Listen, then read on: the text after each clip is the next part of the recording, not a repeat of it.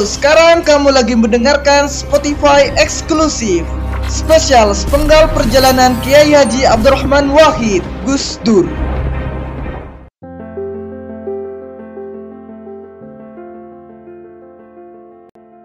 Ada seorang wanita yang sedang duduk di tengah ruang tamu rumahnya. Matanya sedang menatap kosong, tidak ada lagi pikiran yang sehat yang tersisa. Secerca harapan yang ingin digenggam terasa sangat maya. Ia masih cukup muda, 28 tahun, dan bermata sipit. Matanya yang biasanya bercahaya sekarang tampak sayu. Bola matanya bergerak pelan ke arah salib di dinding atas lantai dua rumahnya yang mewah. Senyuman yang biasanya bersahaja, hari itu tak tampak sama sekali. Segala sesuatu tentang penampilan fisiknya biasa, kecuali hatinya. Hati yang tulus itu masih terguncang. Dokter baru memvonis bahwa ia menderita kanker ovarium stadium 3. Padahal ia ingin sekali mengandung. Ia ingin sekali memberikan keturunan kepada suami tercintanya. Sekarang, jangankan mengandung, kehidupan pun mungkin tinggal sejengkal lagi. Tuhan sedang menguji wanita itu. Mungkin para malaikat ingin melihat seberapa jauh ia dapat bertahan. Mungkin ia tidak akan sanggup. Matanya menatap nanar. Sesekali terlihat pendar pedih, bola matanya bergerak naik, perlahan, menatap salib yang digantung di tembok. Tuhan, bisiknya lirih, nyaris tak terdengar. Selintas sensor matanya dapat menangkap pergerakan di ruangan itu. Matanya melirik ke samping depan. Suaminya, seorang laki-laki muda yang juga bermata sipit, berwajah agak tirus, terlihat entelek dengan kacamata bingkai perak bertengger di hidungnya. Ia baru saja merebahkan tubuhnya ke sofa merah tua di ruang tamu mereka. Ia pun terdiam seribu bahasa, tidak berdaya membantunya. Seorang pria bertubuh pendek dengan bibir yang selalu siap tersenyum, rambut mulai menipis dan memutih, dan kacamata besar yang super tebal masuk ke dalam ruang tamu. Laki-laki itu tidak pernah ditemui orang-orang di sekitarnya, bahwa laki-laki itu sedang bersedih. Ia hanya seorang pejuang sejati, seorang humoris. Ia seperti hidup dalam dunianya sendiri. Namun, entah mengapa, orang yang berada di dekatnya selalu merasakan aura penerimaan yang besar dari dirinya. Bagaimanapun keadaan mereka, pria itu ketua organisasi Islam terbesar di Indonesia, yaitu Nahdlatul Ulama atau biasa disingkat dengan NU. Sekalipun demikian, tidak terlihat secuil pun tanda-tanda kesombongan dan sok kuasa dalam dirinya.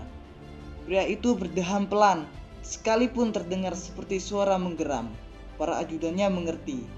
Ia mencari tempat duduk. Suaminya, pria bermata sipit yang sebelumnya duduk dengan longso, terlihat berubah air mukanya. Ia cepat-cepat bangkit berdiri dan berkata dengan penuh harapan, Sahabat lama mereka yang sudah lama tidak ditemuinya berkunjung kembali. Tepat pada saatnya seakan-akan ia memiliki hubungan batin dengan mereka. Sahabat mereka yang bertubuh pendek yang sangat sibuk dengan kegiatannya sudah lama tidak berkunjung. Namun tiba-tiba ia datang lagi. Seakan-akan laki-laki itu mengerti bahwa dia sedang membutuhkan pertolongan seorang sahabat dalam duka. Ono opo?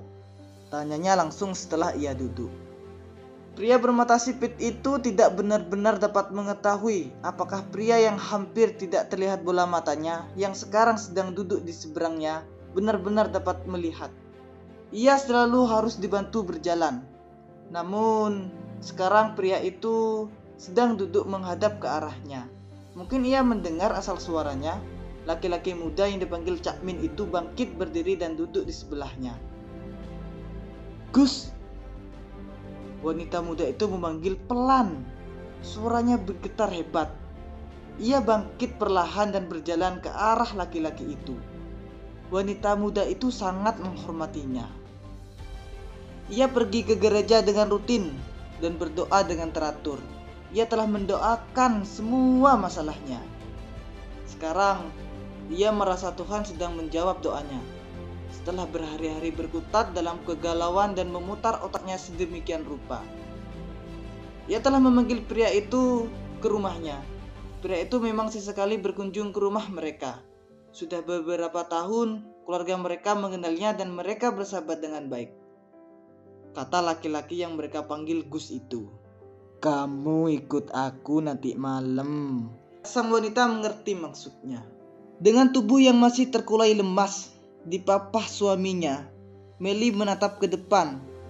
Suasana sunyi dan sepi. Seharusnya suasana mencekam, tetapi ia tidak dapat merasakan apa-apa selain beban berat yang mengimpitnya. Seluruh kakinya terasa lemas. Suaminya sedang berdiri di sebelahnya. Mereka sedang mengunjungi makam salah seorang kiai. Meli tidak benar-benar tahu apa yang harus dilakukannya. Sebelumnya ia tidak pernah berdoa di depan makam. Laki-laki itu tidak terlihat takut di makam. Ia sedang berdoa dengan tenang, tidak tahu apa yang didoakannya. Orang-orang yang menemaninya berdiri dengan terkantuk-kantuk di belakangnya. Mereka sudah biasa dengan tindakan tuan mereka. Yang perlu mereka lakukan hanya sabar menunggunya hingga selesai. Kemudian mengikuti permintaannya. Meli tidak tahu apa yang menggerakkan bibirnya yang tipis, tetapi ia mulai berkata-kata bagaikan orang yang berkeluh kesah tentang masalah, tentang masalah hidupnya.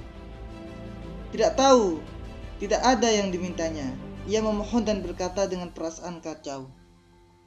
Tuhan, ia terjatuh ke tanah. Seluruh perasaan bercampur menjadi satu. Ia tidak dapat berkata-kata lagi. Tangisannya tumpah ruah. Ia tidak berharap apa-apa. Ia hanya menangis. Laki-laki itu telah selesai berdoa dan berjalan mendekatinya.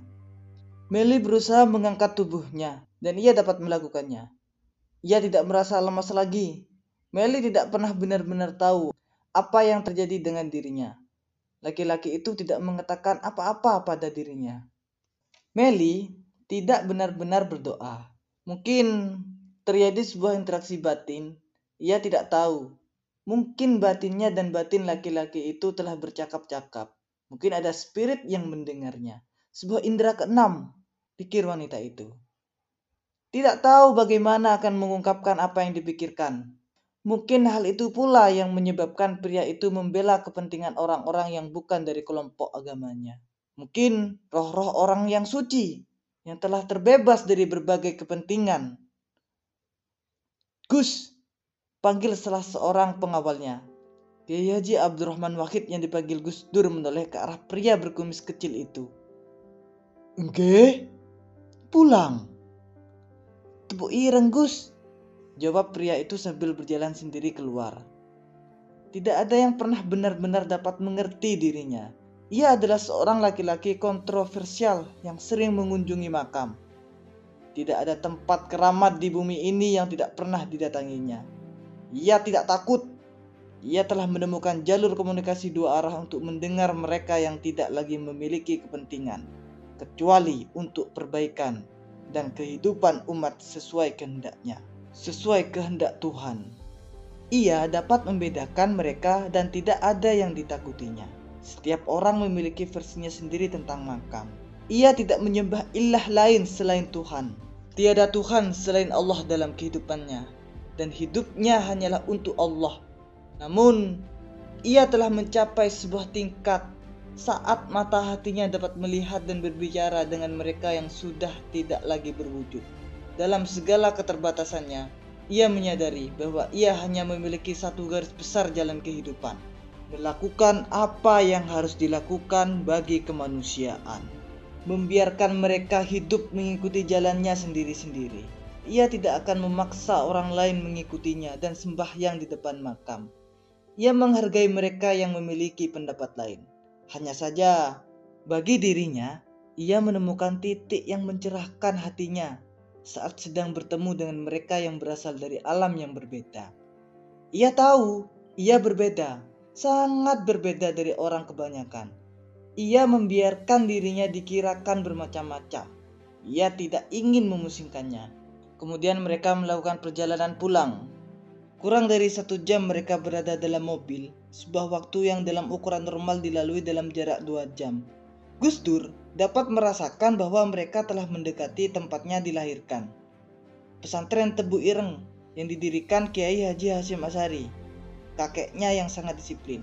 Wajahnya menggembangkan senyum kecil, pikirannya berlari pada kenangan akan ayahnya, kesan-kesan, dan cerita-cerita yang diperoleh orang-orang di sekitarnya, jauh sebelum ia dilahirkan. Sebuah sosok pribadi yang sangat berbeda dengan dirinya, tetapi telah memegang andil dalam mengukir pemikiran dan kepribadiannya menjadi seorang yang pluralis.